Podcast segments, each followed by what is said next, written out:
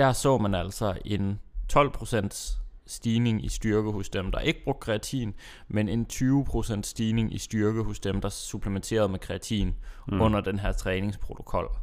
Så, så det er jo altså, næsten en fordobling. Det er næsten en fordobling.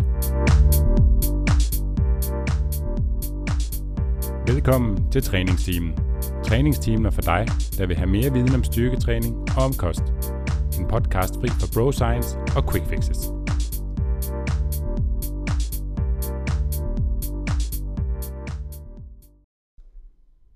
Vi er din værter, Steffen Fisker. Og Nikolaj Bak. Jeg er medejer af Styrk og har en bachelor i idræt. Og jeg er også medejer af Styrk og har en bachelor i medicin med industriel specialisering. Og hvis du, kære lytter, kunne tænke dig en uforpligtende snak med os eller en af vores trænere i Styrk, så er det bare at klikke ind på styrkmig.dk. Velkommen tilbage, Steffen. Tak. Endelig er vi sammen ja. efter et par aflysninger de seneste uger. Det er lækkert. Det er dejligt. Vi, øh, vi sidder i et øh, fysisk studie nu. Din stue. Ja. Rebil. Ja. Og øh, vi skal lige optage en podcast, inden vi skal ud og gå en tur. Ja, og jeg har lige set dit drivhus. Ja. Det er lækkert. Det er blevet godt, ikke også? Det er bare godt. Mm, så det, skal du... Det er min sund på. Du må, øh, du må få et, så du også kan Ja. lave... Øh, Ja. du kan godt lave pizzasauce i forvejen, men så kan du dyrke din pizzasauce selv. Ja. Af en pizzasauce plante. Ja. Så kan, skal jeg kun bestede dem heroppe fra. Det er der ikke mange, der kan mm. sige, at man har kun deres tomater herfra. Det er der ikke mange, der kan replikere i hvert fald. Nej, det er sandt. Styrk tomater. Styrk tomater. Du havde... Øh, vi har lige delt en...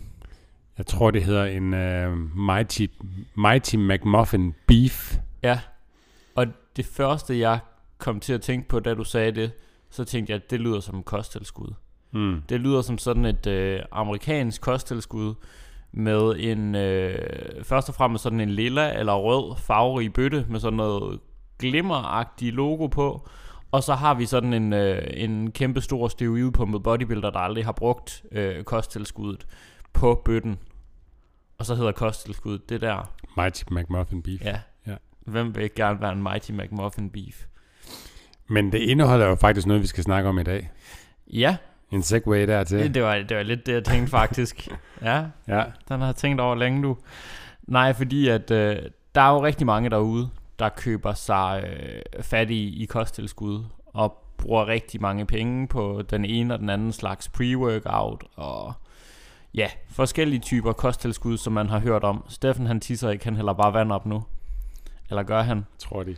Øhm, og det er jo noget, som vi, øh, som vi ligesom prøver at få fokus væk fra, så det er jo også lidt en, øh, en anderledes ting, at vi laver en hel podcast om et kosttilskud. Fordi vi, jo, vi er hverken for eller imod kosttilskud.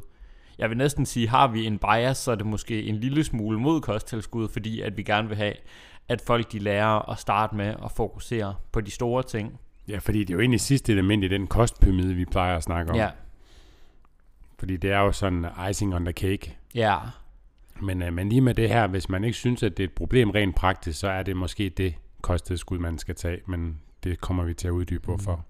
Vi skal i hvert fald snakke om øh, kreatin i dag, fordi kreatin er, og det kan vi lige så godt sige nu, det er det eneste kosttilskud med en god dokumenteret effekt på muskelvækst og styrke. Øhm, og det er ikke fordi man skal tage kreatin overhovedet, men der er mange, der som sagt køber sig fat i alle for mulige forskellige pre-workouts og blandinger af kosttilskud, hvor der er rigtig mange ting i, som ikke har nogen effekt, eller i hvert fald ikke har nogen dokumenteret effekt. Ja, der har haft en undersøgelse, der måske lige har vist lidt, men det her, det er et meget veddokumenteret Ja. kosttilskud, sådan over, overall set. Ja, hvor man både kunne have sparet penge og sandsynligvis fået mere ud af bare at supplere med god gamle kreatin. Jeps. Og så er det jo også bare fordi, at det er noget, vi får mange spørgsmål til. At der er mange, der har spurgt til, når man giver kreatin mening at bruge, hvordan skal man bruge det? Alle de her ting. Og øh, derfor der har vi øh, med hjælp fra jer lyttere samlet øh, 15 spørgsmål om kreatin, som Steffen og jeg vi vil øh, gå igennem i dag, sådan at man kan blive klogere på det her, hvis det var noget, man godt kunne tænke sig at bruge i sin styrketræning. Og som en god start, øh, inden vi går i dyb med det, hvad er kreatin? Jamen kreatin, det er et øh, molekyle, der består af aminosyre, ligesom, øh, ligesom protein gør. Øh, men det er ikke et protein. Det øh, findes i primært kød og fisk. Så vi får også kreatin gennem, øh, gennem kosten, og kroppen producerer også selv kreatin. Hmm. Og der hvor vi sådan finder vores, øh, vores kreatin i kroppen, jamen det er i det man kalder skeletmuskulaturen, og det er de bøffer, som vi bruger til at løfte ting op og ned med. Ja, Ja. Så der har vi simpelthen så kreatin som sådan lager. Ja. Og hvad er det helt præcis, det gør? Ja, det, nu er vi allerede over i spørgsmål 2. Ja. Det er det, folk vil vide. Hvad gør kreatin? Øhm, jamen, som sagt, kreatin det ligger som et, øh, som et lager ude i vores øh, muskler, der hedder kreatinfosfat. Og det lager, det kan vi bruge under kortvarig, øh, sådan intens øh, energiforbrug. Altså sådan noget som, øh, Sådan 10-20 sekunders arbejde ish. ja, så ting, der er i retning af styrketræning, sprint, kuglestød, spydkast, Ja. Øh, alt sådan noget kortvarig aktivitet, hvor der skal hurtig øh, bevægelse på og kraft på. Ja. Ja, så det vil sandsynligvis ikke virke lige så godt under et maraton, som det vil under en styrketræningssession. Nej, det vil det for med sandsynlighed ikke. Mm-hmm. Øhm, og det det gør i forhold til at, øh, at give energi under fysisk arbejde, det er, at vi har den her spaltning af ATP, kalder vi det, som vi bruger til at danne energi med under fysisk arbejde. Og der kan kreatinfosfat ud fra musklen gå ind og bidrage med sådan et fosfatmolekyle, sådan at man kan forlænge den proces. Ja, så det er sådan en, en slags buffer Ja, for ekstra energi. Det er lige sådan, at hvis man har set fast den er Furious, lige uh, NOS-knappen, man lige har lidt ekstra at skyde med. Åh, det var en god reference, den der. Ja, men, uh, men det fungerer jo ikke sådan i praksis, at oh, nu kigger det ind, nu mærker jeg det. Mm. Øh, fordi der er også mange, ligesom med proteinbrød, hvor der, der, der siger, at jeg kan ikke mærke det. Men man kan ikke mærke det, men, Nej. men i praksis er det, siger man, at det er lige den der en rep eller to ekstra, man kan tage. Ja, der er næppe nogen stor akut effekt af kreatin, på samme måde som man akut kan mærke, at man for eksempel har brugt koffein eller pre-workout, fordi det er opkvikkende lige nu. Kreatin virker på lang sigt. Ja. Og det kan være, at det egentlig øh, leder os til spørgsmål nummer tre. Hvad, øh, hvad opnår man ved at bruge kreatin, Steffen? Man opnår øh, mere styrke, og det er jo egentlig ret veddokumenteret. Vi, du, vi, du, mest dig, du har fundet en... Vi du. øh, vi du. Du fandt en meta-analyse frem, hvor øh, der er lige defineret nogle tal, jeg ikke lige kan huske i forhold til, hvor meget styrke det sådan gennemsnitligt giver set over mange studier. Ja, altså, og man skal altid tage sådan nogle tal her med et græns salt, fordi bliver der så lavet endnu flere studier, så vil de sandsynligvis ændre sig. Ja, det er jo individuelt igen. Det er gennemsnitligt. Ja, så det som den her meta-analyse, den fandt, den, den, øh, den har sammenlignet de samme træningsprotokoller, hvor at forsøgspersonerne har brugt øh, kreatin kontra ikke at bruge kreatin. Og øh, der så man altså en 12% stigning i styrke hos dem, der ikke brugte kreatin, men en 20% stigning i styrke hos dem, der supplementerede med kreatin mm. under den her træningsprotokol. Så det er jo næsten en fordobling. Det er næsten en fordobling. Og jeg tvivler på, at det reelt ser sådan ud i, øh, i praksis igen. Så nogle tal skal altid tages med et græns salt, fordi træningsstudier er små, og der kan være forskellige sådan øhm, ting, der kan påvirke resultaterne. Mm. Men der, der er ikke nogen tvivl om, der er en effekt på styrken, og der er en væsentlig effekt på styrken, ser det, ser det ud til ifølge de her resultater. Men der er jo også undersøgelser, der viser øh, endnu videre øh, fremskridt på styrke, øh, end det du nævner der, så det er jo et, øh, et, et gennemsnit. Ja, ja. Så hvis man er interesseret i maksimal styrke, så kunne det godt give god mening at bruge kreatin. Ikke mindst fordi det er relativt billigt. Ja, ikke nødvendigvis maksimal styrke, jeg tænker bare det at flytte sin styrke generelt, mm. Ja, fordi man får mere ud af den træning, man i forvejen bruger tid på. det, der er i hvert fald en effekt på styrken. Det må vi, det må vi sige, og den er ret veldokumenteret. Der er også en øh, okay veldokumenteret effekt. Ikke lige så stor, fordi muskelopbygning det går fucking langsomt. Men der er en dokumenteret effekt på muskelmasse, ser det ud til. Hvor meget muskelmasse man bygger med kreatin, altså hvor meget ekstra muskelmasse man øh, bygger, det er nok relativt lidt. Det er svært at sige, hvor meget, fordi det varierer fra person til person, men også fordi, at når man bruger kreatin, så vil man binde noget mere væske ude i muskulaturen, og det vender vi ligesom tilbage til. Mm. Men det betyder, at de her studier, hvor man måler muskelmasse, der måler man det gennem fedtfri masse, eller det man kalder lean mass på engelsk. Øhm, og under fedtfri masse hører altså også væske i kroppen. Ja. Så, så der er nogle studier, hvor folk supplerer med kreatin, og man ser en rigtig stor øgning i deres fedtfri masse faktisk. Men størstedelen af det vil altså være væske og ikke muskelmasse. Ja. Der er, en, der er en effekt på muskelvækst, men den er bare ikke så stor. Nej. Omvendt kunne man også sige, bare det, at man kan finde en effekt på muskelmasse i sig selv, i sådan træningsvidenskabelige studier, øhm, ja, det sker, er interessant. Det, ja, det sker ikke uden, at der reelt er en forskel. Nej, det, det er interessant, fordi at muskelvækst går rigtig langsomt, og derfor er muskelvækst i det hele taget svært at detektere. Altså også sådan i studier, hvor man giver folk proteinpulver. Øhm, der skal man ofte op på de her metaanalyser for rent faktisk at se nogen effekt. Fordi mm. at, ja, som sagt, muskelvækst, det går bare langsomt, så lige så snart vi egentlig kan se en effekt på muskelopbygningen, så kunne man godt snakke om, at det kunne være, at det kunne være interessant. Ja, fordi det går jo væsentligt langsommere end styrke, for eksempel. Det, det oplever vi jo meget hurtigere. Mm. Men de to ting sammen, så kan man jo også forestille sig, at når vi ligesom over tid kan øge vores styrke ved at supplere med, med kreatin, så vil vi over tid også kunne bygge mere muskelmasse igen. Men det er jo også en langsigtet proces, fordi et, tager muskelmasse lang tid, to, skal kreatin også nå at have en effekt over lang tid, og så skal det jo ligesom ja, ja. fungere sammen. Og det, det, er, det er ret interessant, fordi det er det eneste kosttilskud, hvor man har påvist en sådan god dokumenteret effekt på muskelmassen. Så kan man selvfølgelig snakke om proteinpulver, fordi øh, det at spise nok protein har også en effekt på muskelmassen. Det er også meget veldokumenteret, at man ligesom skal have et tilstrækkeligt proteinindtag for, for at optimere muskelopbygningen. Men proteinpulver, det virker kun, hvis man ikke spiser nok protein i forvejen. Ja. Kan man sige, at altså proteinpulver i den sammenhæng hmm. giver bedre mening at se på som en fødevare nærmest, eller som en proteinkilde, end et kosttilskud, sådan i forhold til, om det virker, fordi det er det, at man får nok protein, der virker. Ja. Øhm, kreatin får vi også gennem kosten, men det er nok noget sværere at få nok kreatin, medmindre man spiser en del kød, og det kan der jo være argumenter for. Ja, vi skal for næsten op i et kilo kød om dagen, for at ramme de doser, man gerne skal have. Ja, det kunne man godt snakke om. Og, øh, det er nok de færreste, der får det. Ja, Fordi det er, det er jo ikke bare protein, det er jo kød. Ja, kød og fisk, og det er der nok, øh, det er der nok flere gode argumenter for at, at holde sig fra. Ja. Det, øh, det bliver i hvert fald hurtigt en ensidig kost, hvis man vil spise så meget kød der.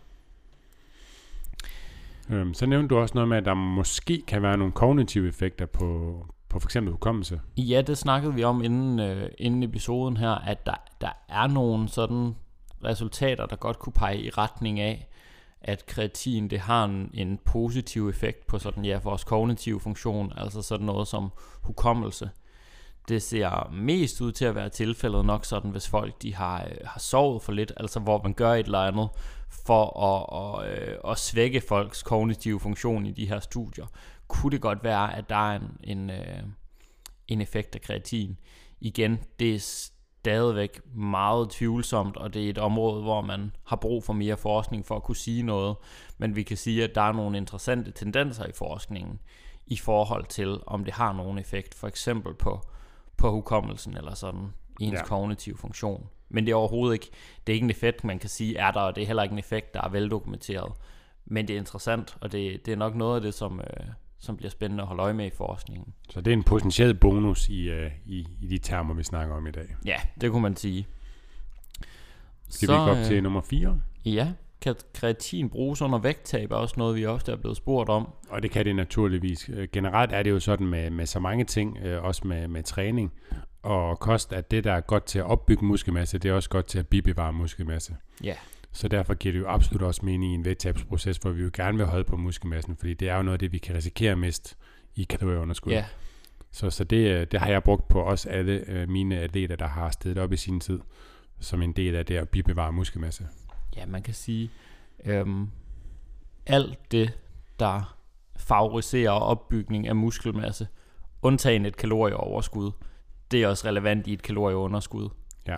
Ja, det er klart, man kan ikke, øh, man kan ikke have fokus på vægttab og være i kalorieoverskud, men alle de andre ting, mm. god søvn, nok protein, Øhm, eventuelt tilskud af kreatin, hvis man bruger det i forbindelse med muskelopbygning. Ja. Det, det samme giver mening for at bevare muskelmassen. Eller måske stadigvæk bygge en lille smule muskelmasse i kalorieunderskud. Det har vi ja. snakket om, at, at det er der nogle nybegyndere, der godt kan. Ja. Ja. ja. Så det, det giver bestemt mening. Så øh, er vi nået til punkt 5. Har kreatin nogle bivirkninger? Øh, jeg har sjældent fået rapporteret nogen sådan anekdotisk. Øhm, mm. Kun i tilfælde af, når folk har kørt loading-protokoller. Og, og en loading-protokol, det er, hvor man prøver at opbygge den her buffer endnu hurtigere, end hvis man bare kører en fast dosis på, lad os bare sige 3 gram per dag. Ja. Så over, jeg tror det er over 5 dage, så skal man tage omkring 20 gram øh, kreatin per dag, ligesom for at bygge den her depot op, den her buffer. Øhm, og, der oplever jeg, at folk godt kan få ondt i maven og diarré. Nu nævnte du selv eksemplet Mm. tidligere med en, der har taget et scoop kreatin, og han fik meget ondt i maven. Han har ikke taget en lille ske, der fuldt med, men med en proteinpulverskeen, og han, Ja, fik, han har- øh, han fik ondt i maven. Han havde hørt, at man kunne, tage et, øh, man kunne bruge et scoop kreatin. Og det var som sådan også rigtigt. Det skulle bare have været det scoop, der var i posen med kreatin. Det skulle Ja. ikke være den fra hans Nej. proteinpulver på sådan, det Nej, ved jeg hvor ikke, der- 30-40 gram eller sådan noget. Det skulle have været øh, en tiende del af det, 3 Ja. gram. Ja, så ved, øh, ved større doser kreatin kan folk godt opleve øh, øh, maveubehag. At Ja, og så er der også det her med, med, med væskeophobning i kroppen, ja. Og det synes jeg også kun, jeg har hørt om og har fået rapporteret øh, ved de her loading-protokoller. Øhm, det her med, at det binder noget ekstra væske i kroppen, og vægten stiger sådan øh, relativt hurtigt øh, de efterfølgende dage, klart nok, fordi det kan binde noget væske. Mm, Øh, det har jeg ikke hørt om øh, med almindelig øh, fast dosis. Når det så er sagt, så binder kreatin jo så primært væske i intramuskulært, altså i Mm. musklerne. Så hvis det gør noget, så giver det højst lidt flere buler på den gode måde. Og derfor er det også noget, man ser, jeg har brugt på mine atleter, når de skal også skal stå på scenen for at, at få så meget fylde i musklerne, og ikke stoppe med kreatin et par dage før, Mm. fordi så kan de risikere at flade en lille smule ud. Øhm, fordi det er intramuskulært, det er ikke i underhuden, at væsken bindes. mm. I hvert fald ikke, hvis det ikke er sådan nogle gigadoser. Præcis. Øhm, så kreatin ser ud til at være ret sikkert, og der er lavet efterhånden længere studier, hvor folk har fået en hel del, øh, en hel del kreatin, hvor det stadigvæk ser ud til at, at være sikkert at indtage. Men hvis, hvis man tager det i store doser, så, øh, så kan folk øh, opleve, og det er også sådan, det har man også set i forskningen, at, at folk kan opleve maveubehag eller kvalme. Det kan da Øhm, være generelt ved mange ting ved store doser. Mm, Har, ja. du, har, har jeg spist meget kål, så har det også nogle, nogle bivirkninger.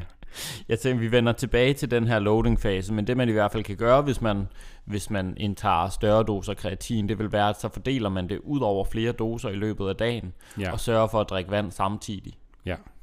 Øhm, en anden bivirkning, som der sådan er blevet øh, spurgt til, nu er vi ved øh, spørgsmål 6, Yep. giver kreatin hårtab? umiddelbart ikke. Umiddelbart ikke, nej. Nej. Den her snak om kreatin og hårtab, den er baseret på et enkelt studie, øhm, der viste en øgning i øh, det hormon, der hedder dihydrotestosteron, eller DHT, øhm, i, dem, der fik, øh, i dem, der fik kreatin over en 14-dages periode, mener jeg det var. Øhm, og det her DHT, høje niveauer af det, er forbundet med sådan tidligt hårtab hos, øh, hos mænd, fordi det er sådan et, et androgen, altså sådan et mandligt mm. hormon. Øhm, men igen, det er et enkelt studie, og det er over en kort periode, så vi ved ikke rigtigt, at det her er en effekt, der var ved over lang tid. Øhm, og samtidig var det også sådan nogle lidt sjove resultater, hvor at forsøgspersonerne startede med ret lave niveauer, og egentlig bare kom op og lå på noget, der sådan mindede om normale niveauer. Ja, så var det bare normale fluktueringer. Ja, så, så umiddelbart er der ikke særlig god evidens for, at det skulle være tilfældet. Altså, vi, man kan heller ikke afvise, at der kunne være en eller anden effekt på det, men, øhm, men, men man kan i hvert fald ikke gå ud og sige, at kreatin det går, giver hårdtab. Det gør det sandsynligvis ikke, og der er ikke særlig meget evidens for, at det skulle gøre det. De resultater, der er, de er, øh, de er lidt funky. Jeg tænker, i, i værste tilfælde, så er det måske bare, at det kan fremskynde processen en bitte, bitte smule. Lidt ligesom testosteron måske kan gøre det.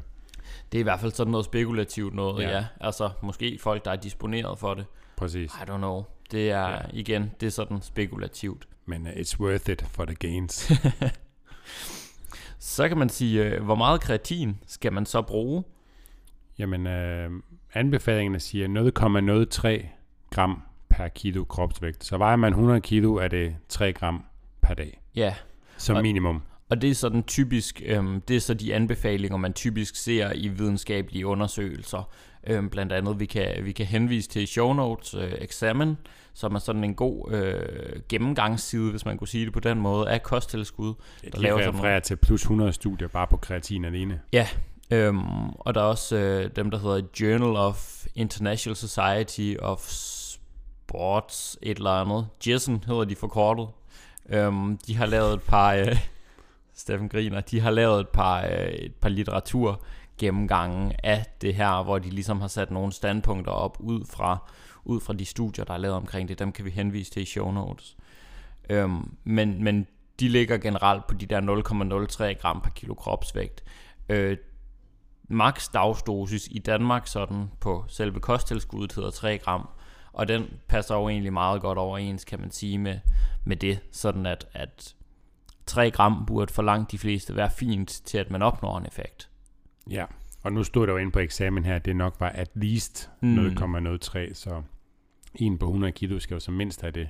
Det betyder ikke, at en på 60 kilo ikke kan tage 3 gram. Altså, vi er stadigvæk inden for nogle respektable mm. doser. Ja. Du nævnte et studie, der var testet med, hvad var det, 5 år med 30, 20-30 gram om dagen? Ja, man har, lavet, man har lavet studier op i den størrelseskala, hvor man ikke umiddelbart har kunne se nogen, se nogen øh, bivirkninger.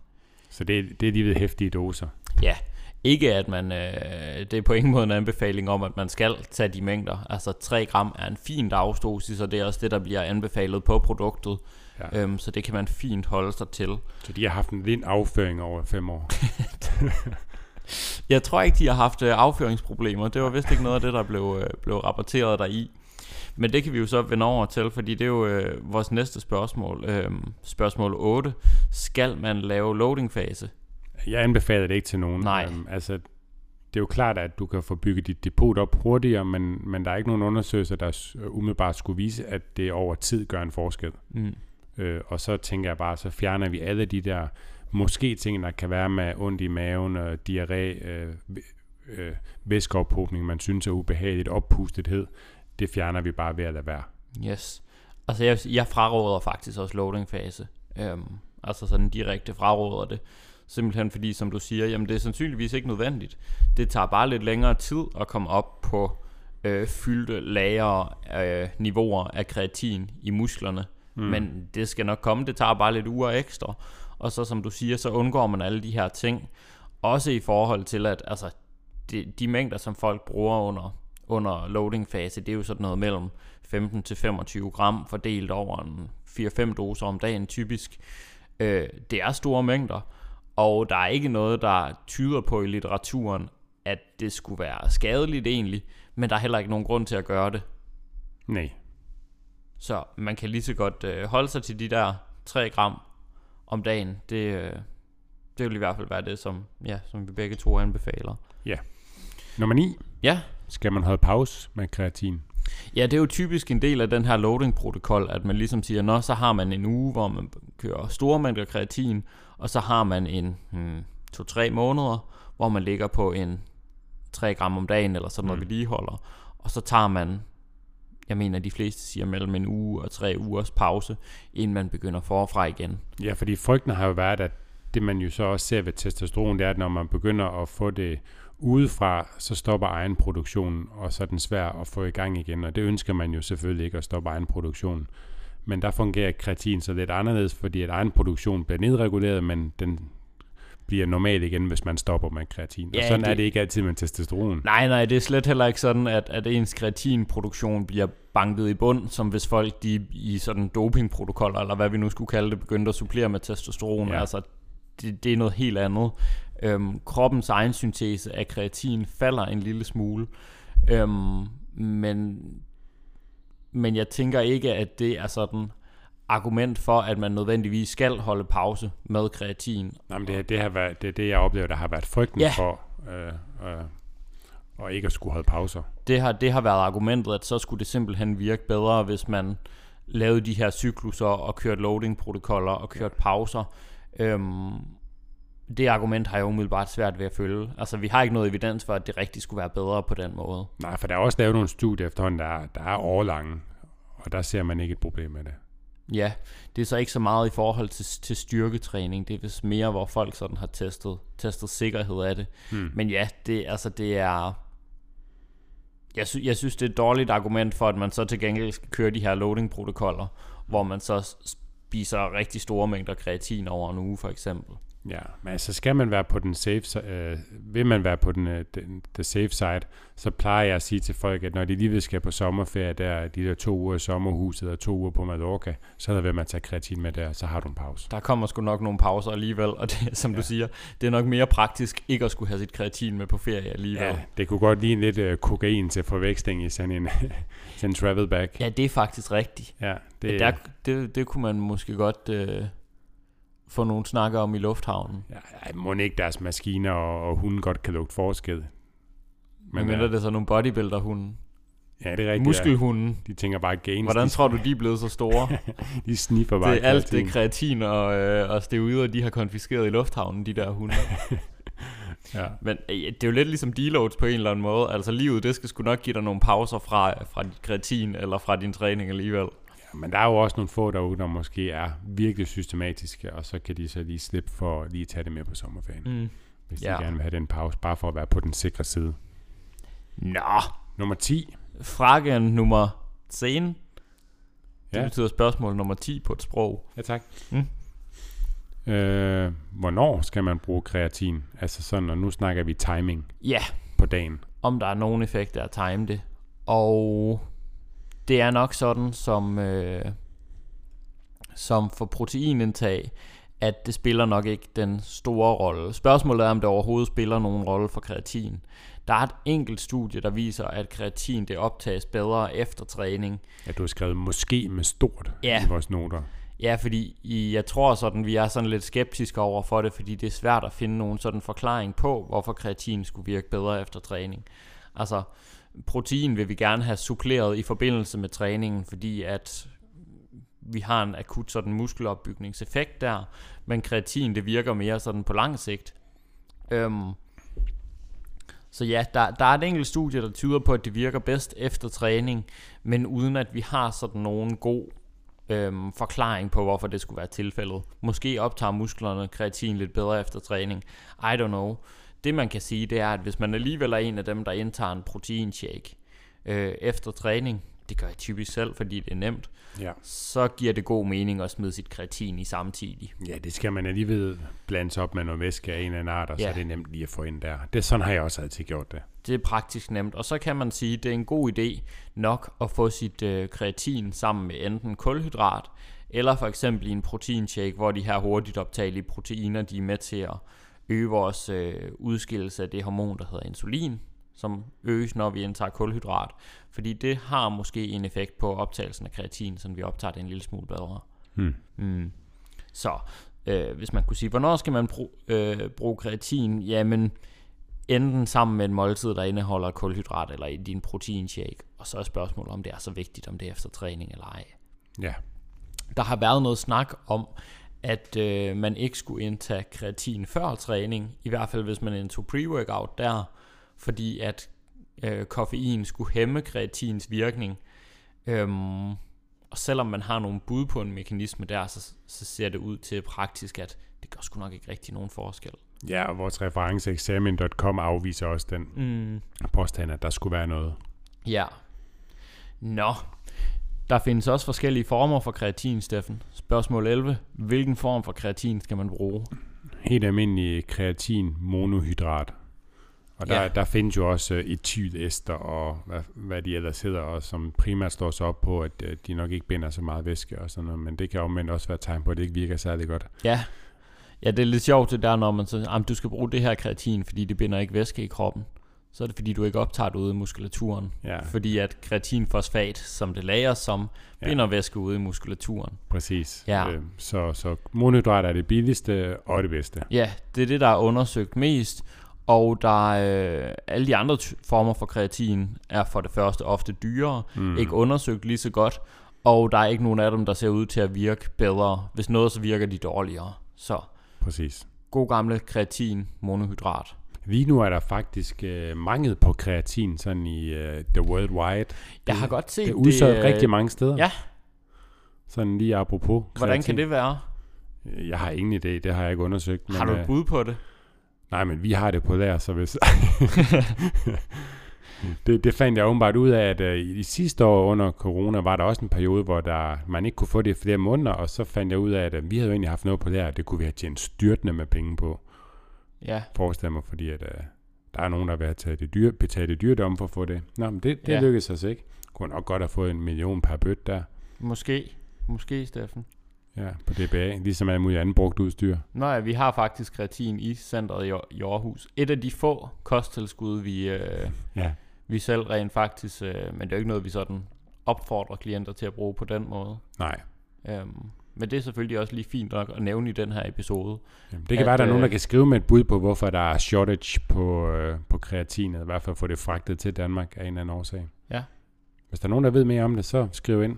Interessant, men ja, det har jeg godt set, det har været udsolgt mange steder. Øhm, Bruger du selv kreatin? Nu nævnte du, at vi... Ikke lige nu, men Nej. øh, i, jeg har gjort det i mange år. Ja, jeg gør det, når jeg husker det.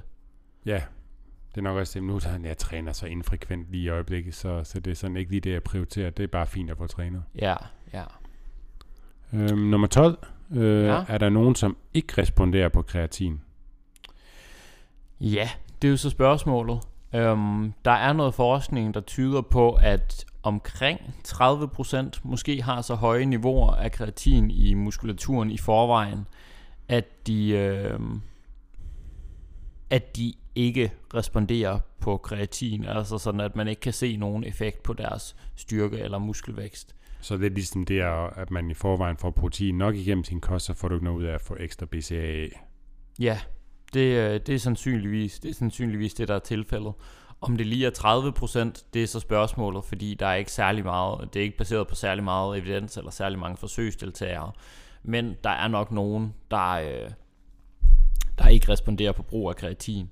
Ja. Man kunne sige, det man måske, hvis man sådan skulle prøve at, at teste det, nu er det ikke fordi jeg opfordrer til, at man laver sådan en loading-protokol, øhm, så det bliver lidt sværere, men man vil jo formode, at man hen over en måneds tid, hvor man bruger kreatin, så vil tage noget væske på i kroppen, altså så ens vægt, den måske øges med 1-2 kilo, måske, mm. alt efter hvor stor man er i forvejen. Klart. Øhm, og det er selvfølgelig også svært at måle over tid, men, øh, men, men teoretisk så burde der komme en eller anden øgning i væske, fordi man får øget sine kreatindepoter ude i muskulaturen.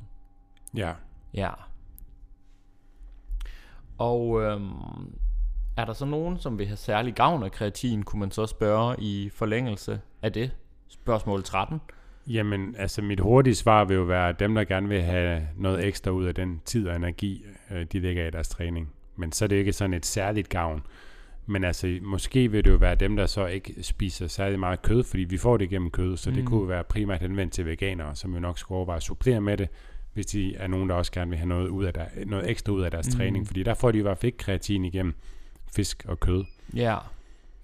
Ja, der, der er ikke så meget evidens for det, men man kunne sige rent teoretisk, så folk, der ikke spiser særlig meget kød, veganere, vegetarer, og måske også sådan småt spisende ældre, øhm, der træner, kunne det måske give en særlig effekt, men det er spekulativt. Hvis man hører noget, Som der med så meget biber, hvis andet. man hører noget, der biber i baggrunden, så er det din opvasker. Ja, min øh, opvaskemaskine, den siger, nu er jeg ren. Ja, det må du over tømme bagefter. Jeg er færdig. Ja. Uh, er kreatin kun for eliteatleter? Vores øh, spørgsmål 14. Absolut ikke. Øhm, igen er kreatin øh, noget, man praktisk nemt kan få ind i sin, øh, i sin daglige rutine, så synes jeg, det er for alle, der gerne vil have, der, der gerne vil have mere ud af deres træning. Så jeg plejer at, at, at, at bruge øh, sætningen, at øh, kreatin er, er så billigt, det næsten ikke kan betale sig at være. Fordi I det, det koster sådan- ingenting, stort set. I hvert fald sådan set i forhold til effekten. Det, Præcis. det er noget af det, hvor man rent faktisk får sandsynligvis en, godt nok en lille effekt, men også for relativt få penge. Ja, altså, det, Øhm. altså nu koster det, nu er prisen er steget lidt, men det koster jo 160 kroner de fleste steder, og så har du til en tre måneder. Det sagde med billigt for noget, der giver de her gains, vi snakker om, og som I- der er veldokumenteret. I hvert fald hvis vi ser på, hvad alle mulige andre kosttilskud de koster. Præcis. Øhm, jeg vil sige omvendt, igen, det skal ikke være noget, der flytter fokus fra noget andet, fordi øhm, selvom det er et kosttilskud, der virker, så er det stadigvæk et kosttilskud, og den størrelsesorden kosttilskud virker i, er, er sådan relativt lille. Det vil Øhm, aldrig kunne erstatte at spise nok mad og få protein nok. Nej, lige præcis. Så, men har du, har du fået styr på de store ting? Altså din søvn, har en god træningsvane, nyder din træning, spiser nok protein, har en god sådan grundkost, så er det nok altså et af de første kosttilskud, der giver mening at kigge på i hvert fald. Ja. ja. Så man behøver ikke være, øh, være eliteatlet. Men omvendt at har man ikke styr på de ting endnu, og er typen, der lige ved får en protein så kan man lige så godt putte kreatin i den, og så arbejde med det andet sideløbende. Så det er ikke fordi, at man, Klart ikke, nok. man ikke skal tage det, fordi man ikke har styr på de andre Nej, ting nej, først. klart nok. Men, Så øh, længe det ikke flytter fokus. Præcis, der skal Ja. stadigvæk være fokus på de andre ting. Sidste, øh, sidste spørgsmål, spørgsmål 15. Er kreatin doping? Er det det? Nej, Nej. det er det sørme ikke. Det er det ikke. Men det er lidt sjovt. Vi snakkede om, der, der er sådan en, øh, jeg ved ikke om det passer, at kreatin har været på dopinglisten en gang, fordi at det rent faktisk havde en. Ja, det følte vi os begge to sikre på, at vi Ja. har hørt, men vi kunne ikke google os frem til, øh, om det har været sandt, og i så fald Nej. hvornår. Men øh, Og så gad vi faktisk ikke gå længere ind i Nej. den. Øh, jeg tænkte, så vigtigt er det heller ikke. Men, øh, men altså, det siger jo noget også omkring, altså, hvor potent det egentlig er, at, øh, fordi det virker jo faktisk. ja. Eller hvor upotent alle de andre kosttilskud er. Også det, ja. men, øhm, men ja, kreatin, kreatin er som sagt det, øh, det eneste kosttilskud, der har en veldokumenteret effekt på styrke og en lille effekt på muskelvækst. Og meget veldokumenteret Øhm. i forhold til, at det ikke er skadeligt og ikke har bivirkninger. Ja, ja. Øhm, men det er altså ikke på dopinglisten, og det er ikke et steroid, og det ser ud til at være sikkert at indtage i de doser, som, som man nu indtager det i, altså den her dagsdosis på, Præcis. på 3 gram. Ja. Jeg har i hvert fald hørt øh, fra nogle unge, jeg tidligere trænede, at deres forældre var meget nervøse for, at de skulle til at tage kreatin. Det var de også nogle gange med protein, men kreatin var en af de her, uha, det, det er farligt. Ja. Og det, det er det ikke, kan vi så Nej. understrege. Og man kan sige, et eller andet sted kan man jo også godt forstå forældrene i den sådan, i den forstand, at det at have fokus på kosttilskud, der skal være muskelopbyggende, måske, altså, det er måske heller ikke noget, man sådan skal gå op i, som, altså, som 12-årig, eller sådan ved jeg heller ikke, Nej, hvor nej. gamle de personer er, Nej, nej. øhm, i det hele taget, men det er ikke fordi, der er noget sådan, det ser ikke ud til at være farligt overhovedet, det ser ud til at være ganske sikkert at bruge, og det ser ud til rent faktisk at have en effekt, og være noget af det, der rent faktisk er relevant at gå op i, hvis man vil kaste penge efter, efter kosttilskud. Ja. Øhm, men med det sagt, så er der ingen, der siger, at man skal bruge kreatin. Øh, jeg anbefaler det aldrig til klienter, inden de kommer og spørger, øh, vil det give mening for mig at bruge nogle kosttilskud? Jeg har set det der kreatin, har det en effekt? Og så Ja. kan man, som vi gør her i podcasten, oplyse om, jamen, hvilke effekter har det egentlig? Hvad gør det? Øhm, Ja. ja.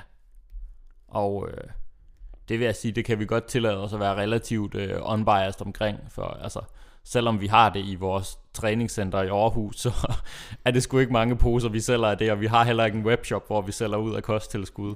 Det er de, stadig Så, de øh, samme bøtter, vi har på lager, som vi havde under corona, så så mange ryger der altså ikke igennem. Okay, fint Vi har nok. ikke et stort lager. Fint nok. Det har vi ikke. Så det, det er mere for at gøre det øh, praktisk nemt for, for vores kunder en gang imellem lige at tage, tage noget med hjem, men uh, det, er ikke, det er ikke nogen, vi sælger mange af dag. Nej. Så øh, det var 15 spørgsmål om øh, kreatiner. Ja. Fedt. Hvad? Vi skulle ud og gå en tur snart. Det skal vi. Ja. Det synes jeg faktisk, vi skal nu. Ja.